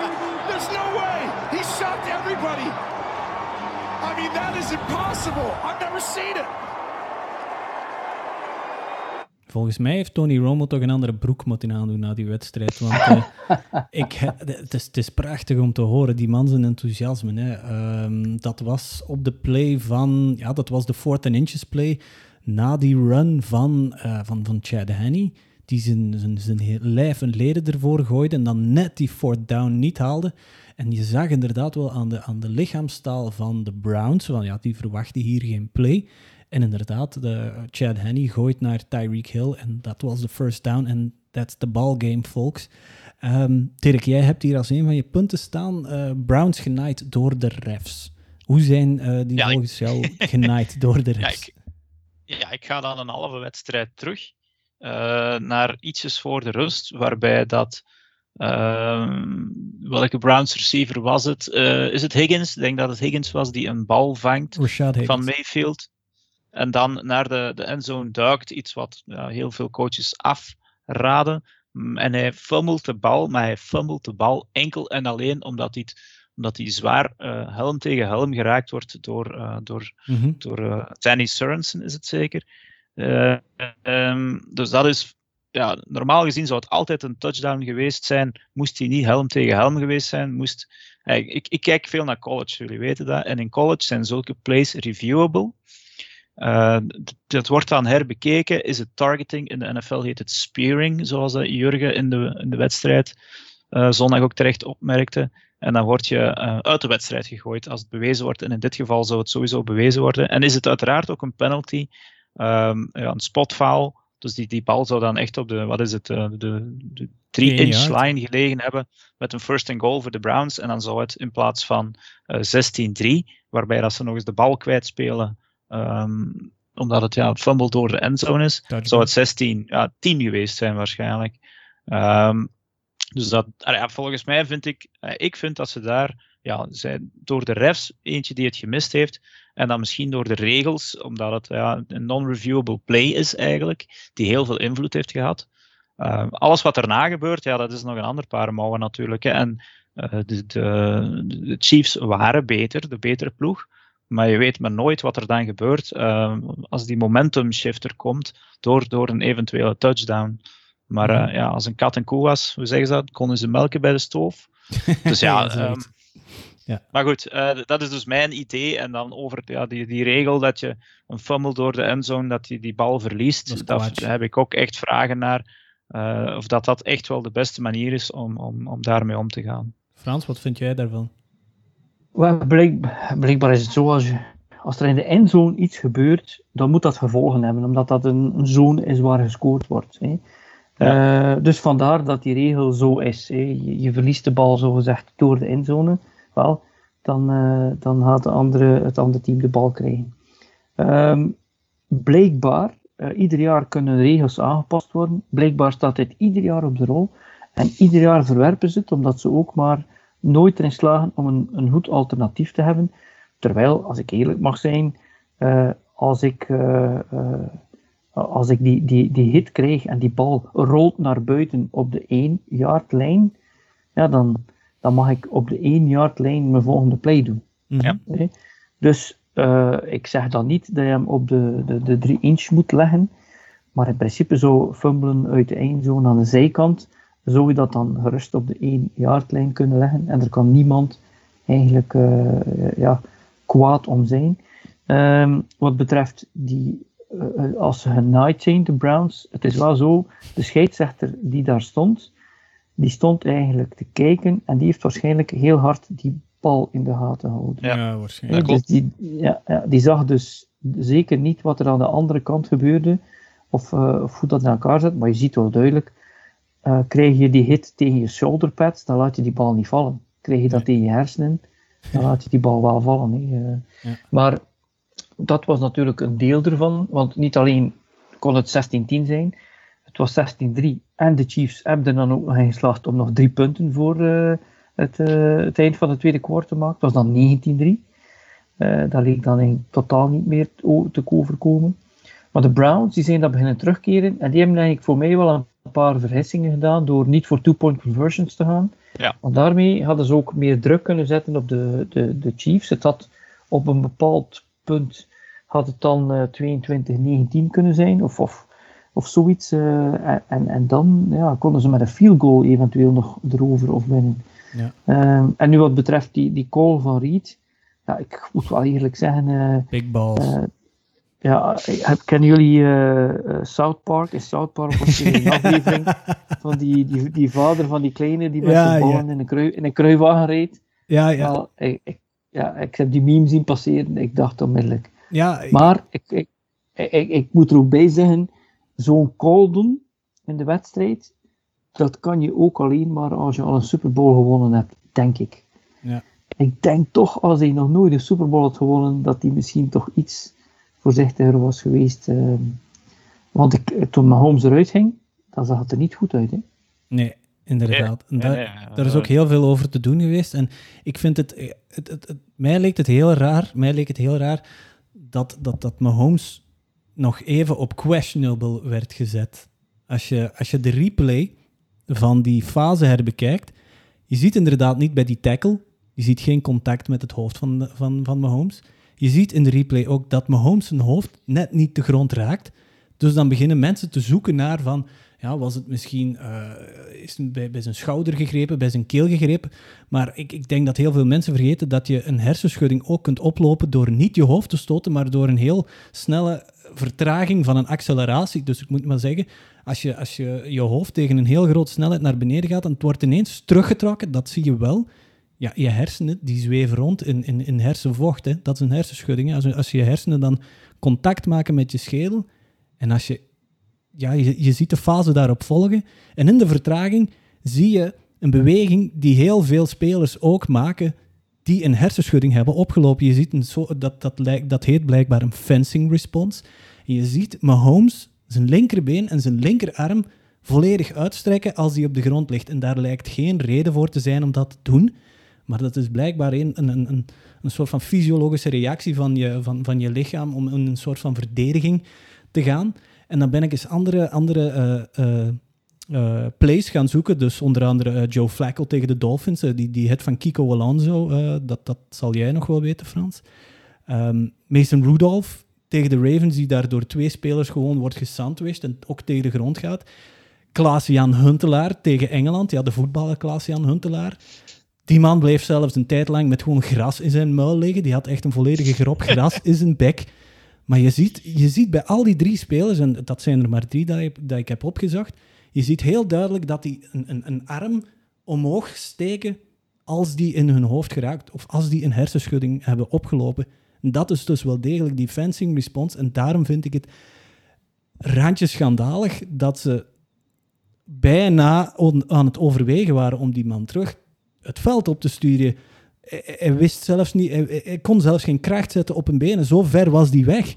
En als je dan de close-up nog van, die, van, van, van Mahomes zag, dat was precies of die tien, dat die, dat die tien jointjes had gerookt. Dus die ogen die waren weg. Die waren volledig weg. Ja. Het, het, mij is het, die, het concussion protocol duurt blijkbaar vijf tot zeven dagen om daar door te gaan.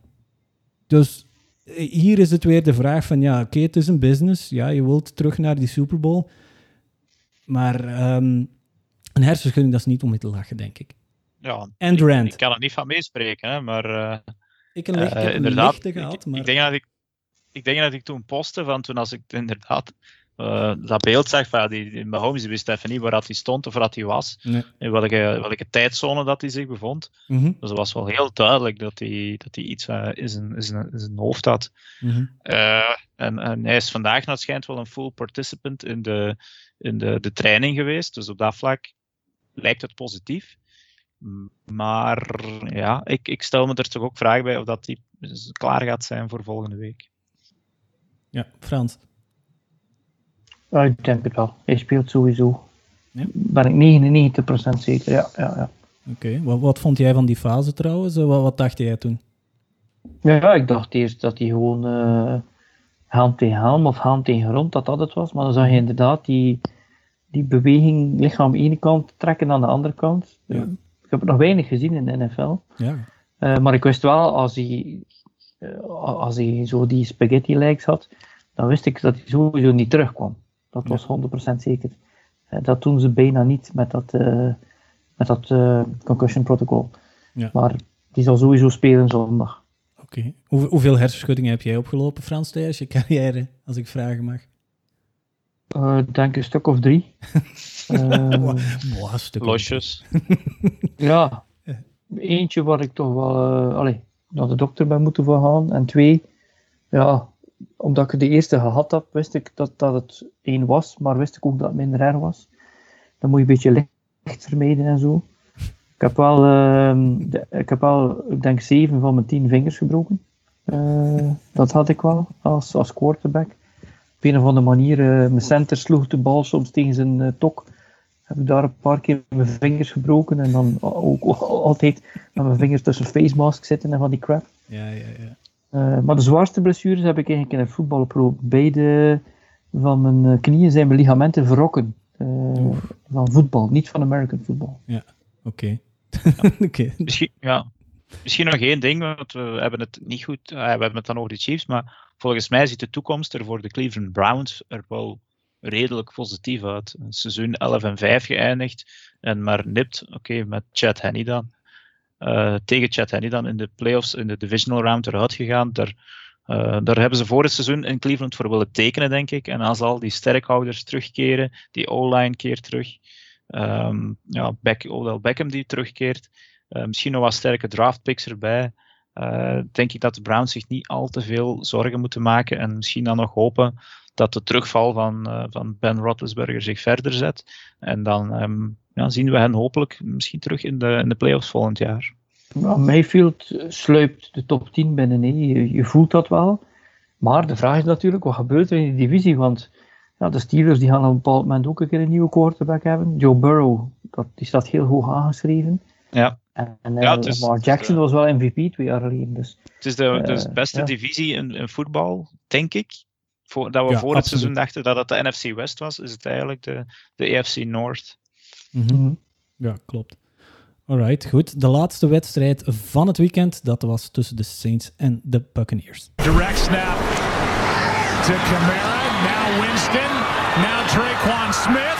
Flag is down, Smith is into the end zone for a touchdown. Ik denk dat we dat verhaaltje nog ergens hebben gezien. Uh, James Winston die naar Buccaneers-spelers gooit in plaats van naar Saints-spelers. Um, maar dat is zo wat het enige dat we kunnen zeggen. Allee, het enige positieve dat we uit die wedstrijd kunnen halen. Hè. De, ja, de, de trickplay van, um, van Jameis Winston, uh, die touchdown. En voor de rest was het eigenlijk... Ja, het, was, het was eigenlijk één groot blunderdome fest. Eigenlijk langs twee kanten, maar de Saints hebben net iets harder hun best gedaan daarin, denk ik, Dirk. Uh, ja, vier INT's door Breeze. Drie. Uh, de arm drie. van drie. Drie. Drie terecht? Oh, en één fumble uh, door uh, Jared Cook. Ah, Jared Cook, ja, ja. Want die heeft inderdaad evenveel boter op zijn hoofd dan, uh, ja, dan Breeze. Mm, maar het was ook geen super... Ja, misschien dat Frans hier mij ook weer ongelijk heeft. Maar die dit was volgens mij echt geen superwedstrijd dan. Nee. Absoluut. inderdaad, het was een stinker.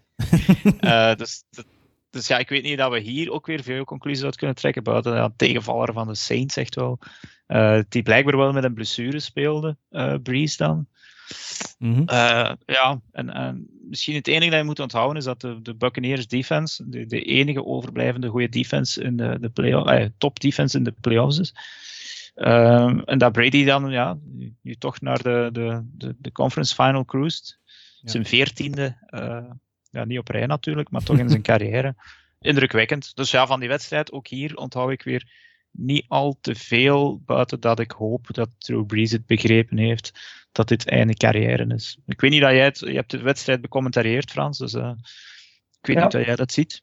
Wat ik, wat ik zag is, uh, Brady heeft natuurlijk zo lang bij Belichick gespeeld en uh, ik denk dat een vierde van de wedstrijden die Belichick en Brady gewonnen hebben, hebben ze gewonnen door te zeggen tegen elkaar, als we kijken naar dit team, dat is een team die zichzelf gaat doen verliezen. Laten we hen daar niet in helpen, ze gaan het zelf verklooien. En ik heb zo de indruk dat ze dat hier ook wel gevoeld hebben. Uh, en, en Brady neemt zulke cadeaus natuurlijk met plezier aan. Want hij speelde eigenlijk ook niet zo top. wat er wel eens is, die Devin White, oeh man. Ja, ja. Als er één iemand is waar ik plotseling mijn ogen heb van ogen getrokken, ik wist wie hij was en ik wist wat hij kon. Maar hoe die in die wedstrijd speelde, dat was een van de weinige spelers op het veld die speelde met een soort playoff rage in hem. Ja. Uh, en dat zie je natuurlijk graag, zeker op defense. Um, wat er ook natuurlijk wel is, is die Cook, die, die, die tight end. Stel dat dit de laatste wedstrijd is van Breeze. en jij bent degene die persoonlijk verantwoordelijk is voor het feit dat die man het sowieso al moeilijk heeft om wat diepere passes te gooien. En dat je er nog in slaagt om er een paar te laten uit je handen vallen of uit je handen slaan. Uh, dat is ongelooflijk. Wat ik ook wel heel tof vind van, uh, van de Saints, is dat ze zeggen, kunnen we een play ontwerpen voor Jameis Winston, waarvoor we, waarbij we zeker zijn dat er 20 yards rond de receiver niemand staat, zodat niemand hem kan onderscheppen. En dat hebben ze dan inderdaad gevonden bij de Bears, die dat uh, ervoor net gedaan hadden. Uh, een week of twee zeker in de, in de wildcard hadden de Bears dat gedaan, als Wims dat door zijn handen liet vallen. ja, juist. Dus ze hebben exact dezelfde play gedaan. Maar ja, wat je hebt is, uh, je voelt toch wel dat die defense van de Bucks dat die toch wel uh, ja, dat die on point was, dat die Devin White buiten zichzelf was en dat uh, Brady eigenlijk moest caretaker spelen, want ik denk na de derde quarter stond hij 14 van 27. Dat is mm -hmm. uh, bijna minder dan 50, dat is bijna, bijna iets meer dan 50% completion percentage. Ja. Dus ja, maar Breeze was gewoon nog slechter. uh, die, die, probeerde het dan, uh, die probeerde het dan natuurlijk de kastanjes uit het vuur te halen, maar daar is hij niet meer voor equipped, dat zie je. Maar ja, als ik dan de lijst lees van welke blessures die man allemaal heeft gehad, en daar ook nog mee speelt waarschijnlijk, en uh, ja, rotator cuff, dat is je schouder, ja, dan, dan begrijp ik het wel. Maar dan is de vraag natuurlijk, heeft de headcoach dan schrik om tegen een Hall of Famer, future Hall of Famer te zeggen, jongen, met jou gaan we die, die wedstrijd niet winnen. Hè? Hij, hij moet aan het team denken, niet aan de legacy van Breeze. Ja, heeft hij niet durven doen, denk ik. Nee. Ja, Taysom Hill was ook inactief. Ja, dus het, ja. ze zouden sowieso, uh, moest het niet gegaan hebben met Breeze, met James Winston uh, moeten gespeeld hebben. En ik vind het nog altijd wel jammer dat we zo weinig van James Winston gezien hebben dit jaar. Wat je er ook van vindt, het, is een, uh, het geeft spectaculaire wedstrijden. Ja, dat is waar. Het, het, het, maar het verschil kan wel duidelijk niet groter zijn. Hè. Vorig jaar de playoffs niet in de buurt van geweest en nu staan de, de Buccaneers met, met Tom Brady dan wel in de, de Conference Championship. Dus er is wel degelijk, het verschil is er.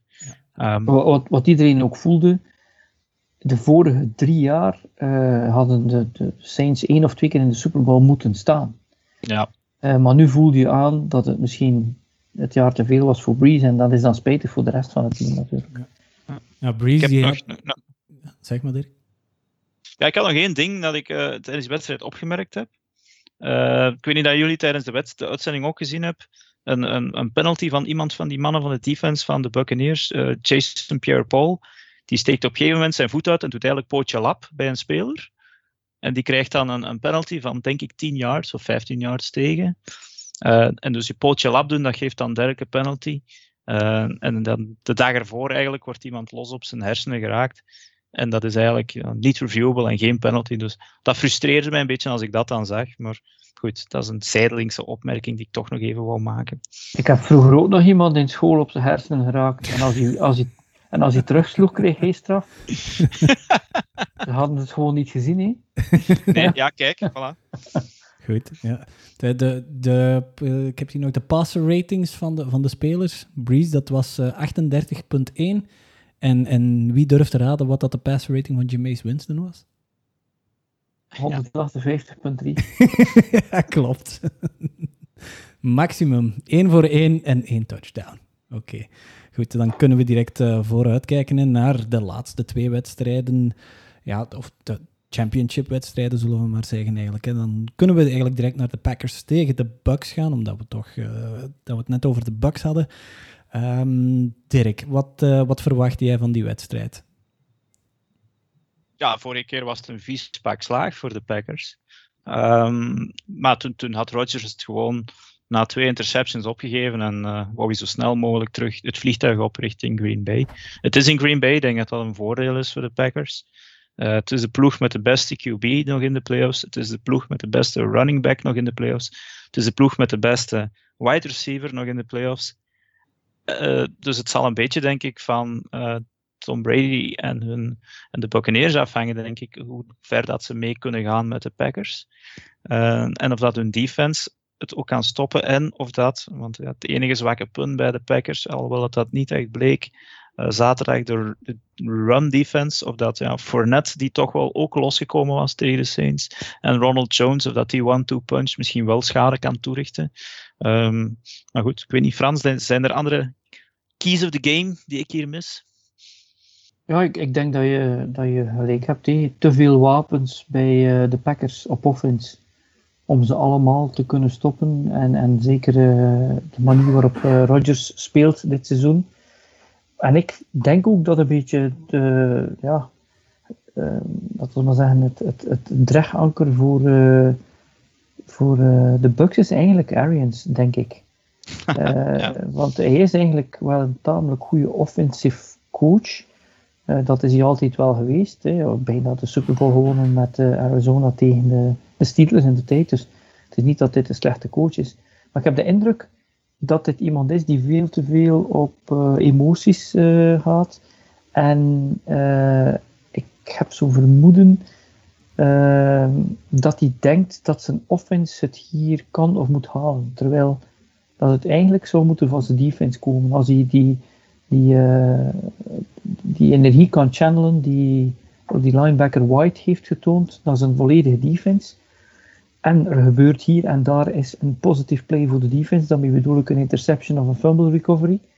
En dan heeft hij natuurlijk iemand zoals Brady die, uh, die iets kan afmaken of die, uh, die, die heel intelligent is, uh, laten we maar zeggen, en ook wel wapens heeft, dan heeft hij een kans. Maar ik heb zo vermoeden dat, dat, dat ja, de Packers gewoon de overhand hebben als Arians zichzelf niet onder controle kan houden. Dat wordt dus uh, eh, 3 en 0 in het voordeel van de Packers, denk ik, hier bij deze podcast.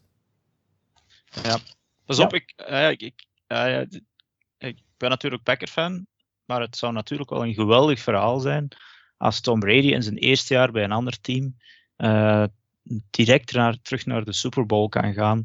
Die, en dat is wel iets, die wordt in Tampa Bay gespeeld, dus ze hebben wel degelijk iets voor te spelen. ik weet niet of dat heel veel uitmaakt, zo'n motivatie, maar een, een er zijn nog niet veel ploegen, denk ik, geweest die een, een Super Bowl in hun eigen stadion hebben kunnen spelen. Uh, dus dat is toch wel een motivatie. Uh, het zou sowieso, er staat een top QB in de, in de Super Bowl. Daar mogen we zeker van zijn, langs twee kanten trouwens. Um, maar dat is nog nooit gebeurd. Nee. Nog nooit gebeurd. nog nooit gebeurd, kijk. Ja, zie. Wat ik wel wat uh, speciaal vind, is, ik heb zo'n vermoeden, mochten de Bills in de Super Bowl komen, dat die, die headcoach gewoon in de dok springt als hij weet dat hij tegen Brady moet. dat je daar uh, in 20 jaar tijd geen deuk in een pak boter kan doen tegen die Patriots. Hij komt dan in de Super Bowl en dan mag je tegen diezelfde man spelen. Dan denk je, dat kan toch niet? Ja, nee, maar het, ik, ik, ik, kijk er wel naar uit, die wedstrijd. En moest ik een neutrale fan zijn, denk ik, ja, ze mogen alle twee winnen. Maar ja, nu hoop ik toch wel natuurlijk dat de Packers de sprong die ze vorig jaar niet konden maken, toen ze duidelijk de minder waren van de 49ers, nu wel kunnen maken, nu ze wel favoriet zijn tegen, tegen de Buccaneers. De Packers moeten van één ding oppassen. Hè. Dit is geen sandwich game. Hè. Ze moeten niet denken van, we zijn er al. We zijn er al. Hè. We gaan dit hier wel afwerken en dan, dan is de, de Super Bowl ja. Ja, ja. zeker heel goed concentreren. Ja, daar, uh, ja, daar heb ik alle vertrouwen in, maar ja, ik uh, ben zij, zij, Dat is gevaarlijk, hè. Dus, uh, ja. Ik moet nu spreken als een echte fan, kom. nu, nu moet je gewoon uh, er vol voor gaan. Maar ja, de, de Bucks zijn inderdaad, wat mij betreft, denk ik het meest evenwichtige team, op, zowel op offense als op defense, als op, als op special teams. Maar de, de, de groei van de Packers vind ik indrukwekkender dan de, de, de, dan het traject van de Bucks eigenlijk. Maar ja, 38-10, dat was de vorige keer inderdaad wel een pakje slaag. Maar ja, de, de, de, Saints hebben ook twee keer gewonnen tegen de Bucks. En je hebt gezien wat dat ze er nu mee hebben gedaan. Dat was een clusterfuck van blunders en van INT's. Dus uh, ja, het, uh, met een clean slate. Stel je voor, eh, stel je voor dat Brady zich, dat, uh, Brady, dat Rodgers zich blesseert. En dat ze die backup quarterback die ze gedraft hebben in plaats van de receiver, dat die, dat die jullie naar de Super Bowl brengt. Dan mag Dirk zijn brief gaan terughalen nee, ik, ik, bij... Ah, het was Ja, ja, het was ik. dan mag ik dat zeker doen. Dan doe ik dat uh, Dan mag je brief gaan terughalen bij Goede Kunst. dan ga ik dat met plezier uh, doen en dan koop ik waarschijnlijk ineens daar ook wel een, uh, een muts en een trui, denk ik, daar in, in, in Green Bay, Wisconsin. Uh, goed, de tegenstanders van of de Packers of de Bucks zullen of de Chiefs of de Bills zijn. Die wedstrijd die wordt uh, in het kot van de nacht gespeeld op zondag. Die, de Packers en de Bucks op 5 na 9 s'avonds. Dus die kunnen we, die kunnen we met, uh, ja, ik zal maar zeggen, kunnen we nog wakker bekijken. En voor die andere wedstrijd hebben we waarschijnlijk een pot koffie nodig. Chiefs, Bills, Frans. Wat, wat zegt die line op jou? Wel, als je, dat, als je kijkt naar de ervaring die ze hebben, zowel op headcoaching als playoffs, als wedstrijden winnen, als natuurlijk in de Super Bowl geweest zijn en als Mahomes speelt, dan zou je er moeten van uitgaan dat de Chiefs dit moeten kunnen winnen. Mm -hmm. er is echter een caveat. Ik vind dat de Bills op ongelooflijk hoog niveau spelen en dat op alle levels. Maar doordat zij natuurlijk een probleem hebben met de running game, kan je er bijna zeker van uitgaan dat er veel zal moeten gepast worden. En dan zou ik eigenlijk uh, Josh Allen veel meer inschakelen in de run. Veel meer op rollouts, veel meer op uh, bootlegs en zo. Ja. Alleen al omdat ik, als er één iemand is die de Bills kan uit evenwicht brengen, dan is het uh, Honey Badger, Matthew. Hm. Uh, en die moet Allen ongelooflijk in de gaten houden. Als hij hem kan vermijden of ten allen tijde weten waar hij is, dan kunnen zij met hun offense eventueel wel, ja, wel wat problemen geven aan, aan de Chiefs. Maar het enige dat je natuurlijk zit af te vragen is hoe goed gaat de Bills defense zijn tegen ja, een, out of this world Mahomes natuurlijk. dus ja, ik, ik denk dat dit een, een, hele spannende wedstrijd kan zijn. En de Bills die mogen daar eigenlijk, ja, die, die moeten gewoon zeker ervoor zorgen dat ze uh, Honey Badger uh, ergens op een of andere manier in hun gameplan uh, vermijden. Dirk? Ja, ik heb een paar weken geleden gezegd dat ik de, voor mij de Bills de kandidaat nummer 1 in de AFC zijn om naar de Super Bowl te gaan ik blijf er voorlopig nog bij, maar het zal zoals Frans zegt inderdaad een, een, ja, een nippertje zijn, een dubbeltje op zijn kant. Um, Mahomes, is hij nog out of this world? Dat zal de vraag zijn met zijn hersenschudding. um, out of this world op een andere manier, zeker. Ja, ja die, was, die was zondag in ieder geval toch heel even al out of this world. Uh, met Henny geef ik ze weinig kans. Met, met Mahomes uh, zijn ze wel favoriet, maar ik denk dat de Bills uh, ja, hun, hun Cinderella year aan het beleven zijn. En dat ze volgens mij gaan doorstoten achter een, een, een sterke Josh Allen. En, maar ja, het ontbreken van die run game is inderdaad wel iets waarvan ik dan bij mezelf moet zeggen van ja, hoe gaan ze dat eigenlijk oplossen? Uh, en moet, moet Allen dat allemaal zelf oplossen? Maar de Bills defense is inderdaad ook wel, wel stiekem sterk. Uh, de Ravens op drie punten houden. Um, dus ja, de Chiefs zullen um, ja, uit de, de voet moeten komen. En de kickers? Ja. Butker durft al eens uh, foutjes maken. En Bess, is, is dat een rookie? Ja. Dat is een rookie, ja. Dat was uh, ja, ja, wel een van de, van de betere rookies eigenlijk wel. Ja, dus, uh, ja ik, ik, weet het niet. Het, zal, het, zijn in ieder geval twee interessante wedstrijden. Ehm, ik denk dat we twee keer aanvallend voetbal gaan zien met vrij hoge scores, hoop ik, denk ik. Uh, ze zeggen wel eens dat offense wins games, defense wins championships, maar dat is dit jaar dus eigenlijk niet echt het geval. Of de, of de Bucks moeten winnen, want van de top 10 defenses zitten alleen de Bucks nog in de, in de playoffs. De, de rest zijn er allemaal uitgegaan de voorbije weken. Dus ja, het is een, een jaar dat, waar het aanvallend voetbal beloond wordt. Uh, zijn, zijn we akkoord dat dit de vier beste teams zijn? Ik heb er al over nagedacht. En ja. ja enkel, enkel over de Bucks zou je misschien nog iets kunnen, kunnen zeggen. Hè. Daar had je in principe, ja, dan had je 1 en 2 en 1 en 2 gehad, de Saints gedacht. Maar ik, ja. Tja, als je op, op de clutchmomenten niet wel. opdaagt. Ik vind het wel. Ik vind dit ook de, de, de vier beste. Want de Saints, als die in clutchmomenten, zoals vorige week, niet opdagen, in tegendeel, het gewoon professioneel verknoeien, dan, dan weet ja, je, je moet in, in december moet je, moet je on fire zijn. En dat waren de Bucks. Die, waren, ja. die hebben december gewoon uh, uh, bijeen gevecht, zal ik maar zeggen. En dan in de playoffs, ja, ze staan er. Hè. Dus uh, voor mij horen ze daar thuis. Je had ja, kunnen denken dat in plaats van de Bucks, eigenlijk als je dan de eerste helft van het seizoen bekijkt, de Seahawks daar hadden moeten staan.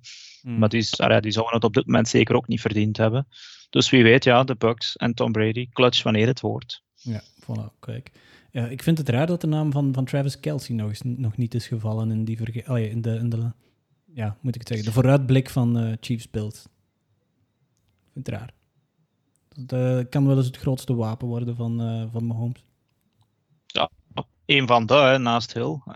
ik hoop het. Ik heb hem in mijn fantasy voor deze weekend staan. Juist, die moet ik stellen.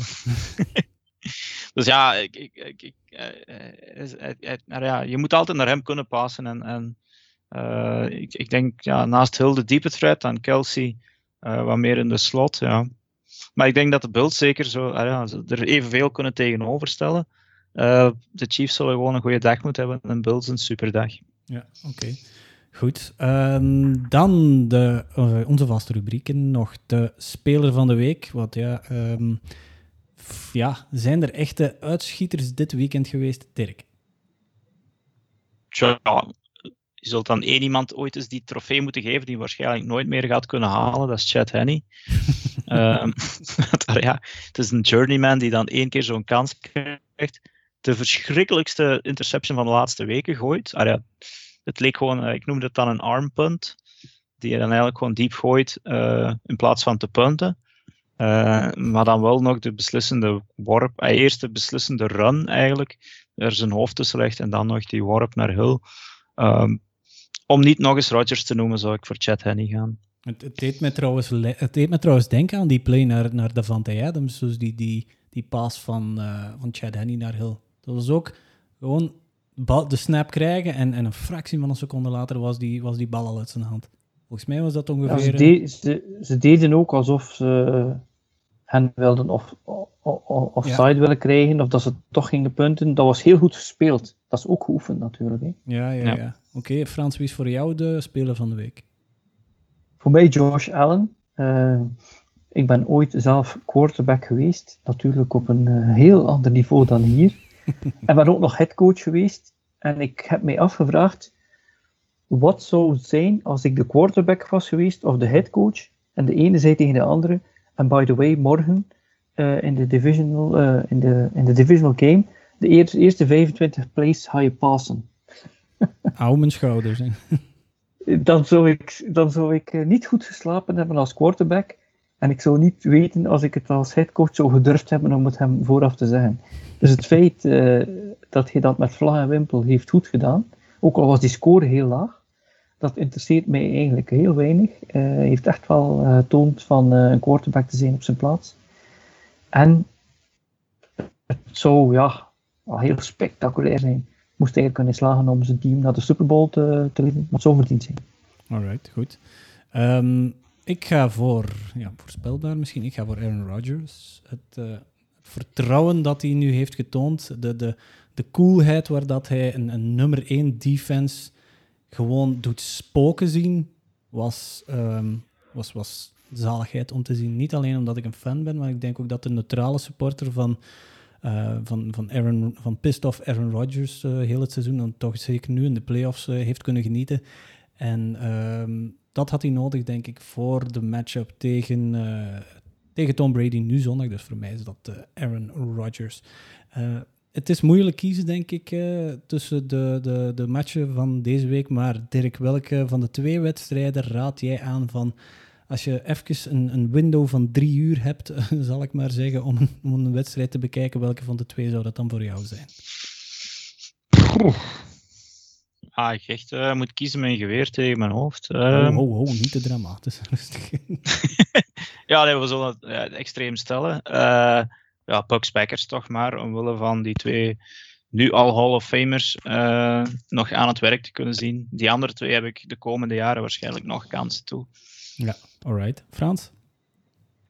Ik zou aan de ene kant met plezier kijken naar Brady Rogers, om inderdaad, omdat je denkt van het zou wel een van de laatste keren kunnen zijn dat we die tegen elkaar zien. Maar aan de andere kant, ja, ik ben misschien iets ouder, maar ik kijk altijd naar de toekomst en uh, ik wil die uh, twee jonge quarterbacks zien spelen en alles geven. Dus dat is voor mij degene die ik uh, verkies. Alright, goed. Ik uh, ga mij aansluiten bij Dirk, denk ik ook. Het, is op, het is op nog op een, een haalbaar uur, maar dat, dat, mm, ja, dat zou eigenlijk niet mogen uitmaken als je die, die wedstrijd op een later tijdstip kan bekijken. Maar inderdaad, twee, ja, het, het, zijn eigenlijk alle vier gunslingers, hè, dus de, de, de quarterbacks. Maar toch, ja, toch mijn hart volgen en Packers Bucks zeker gaan volgen.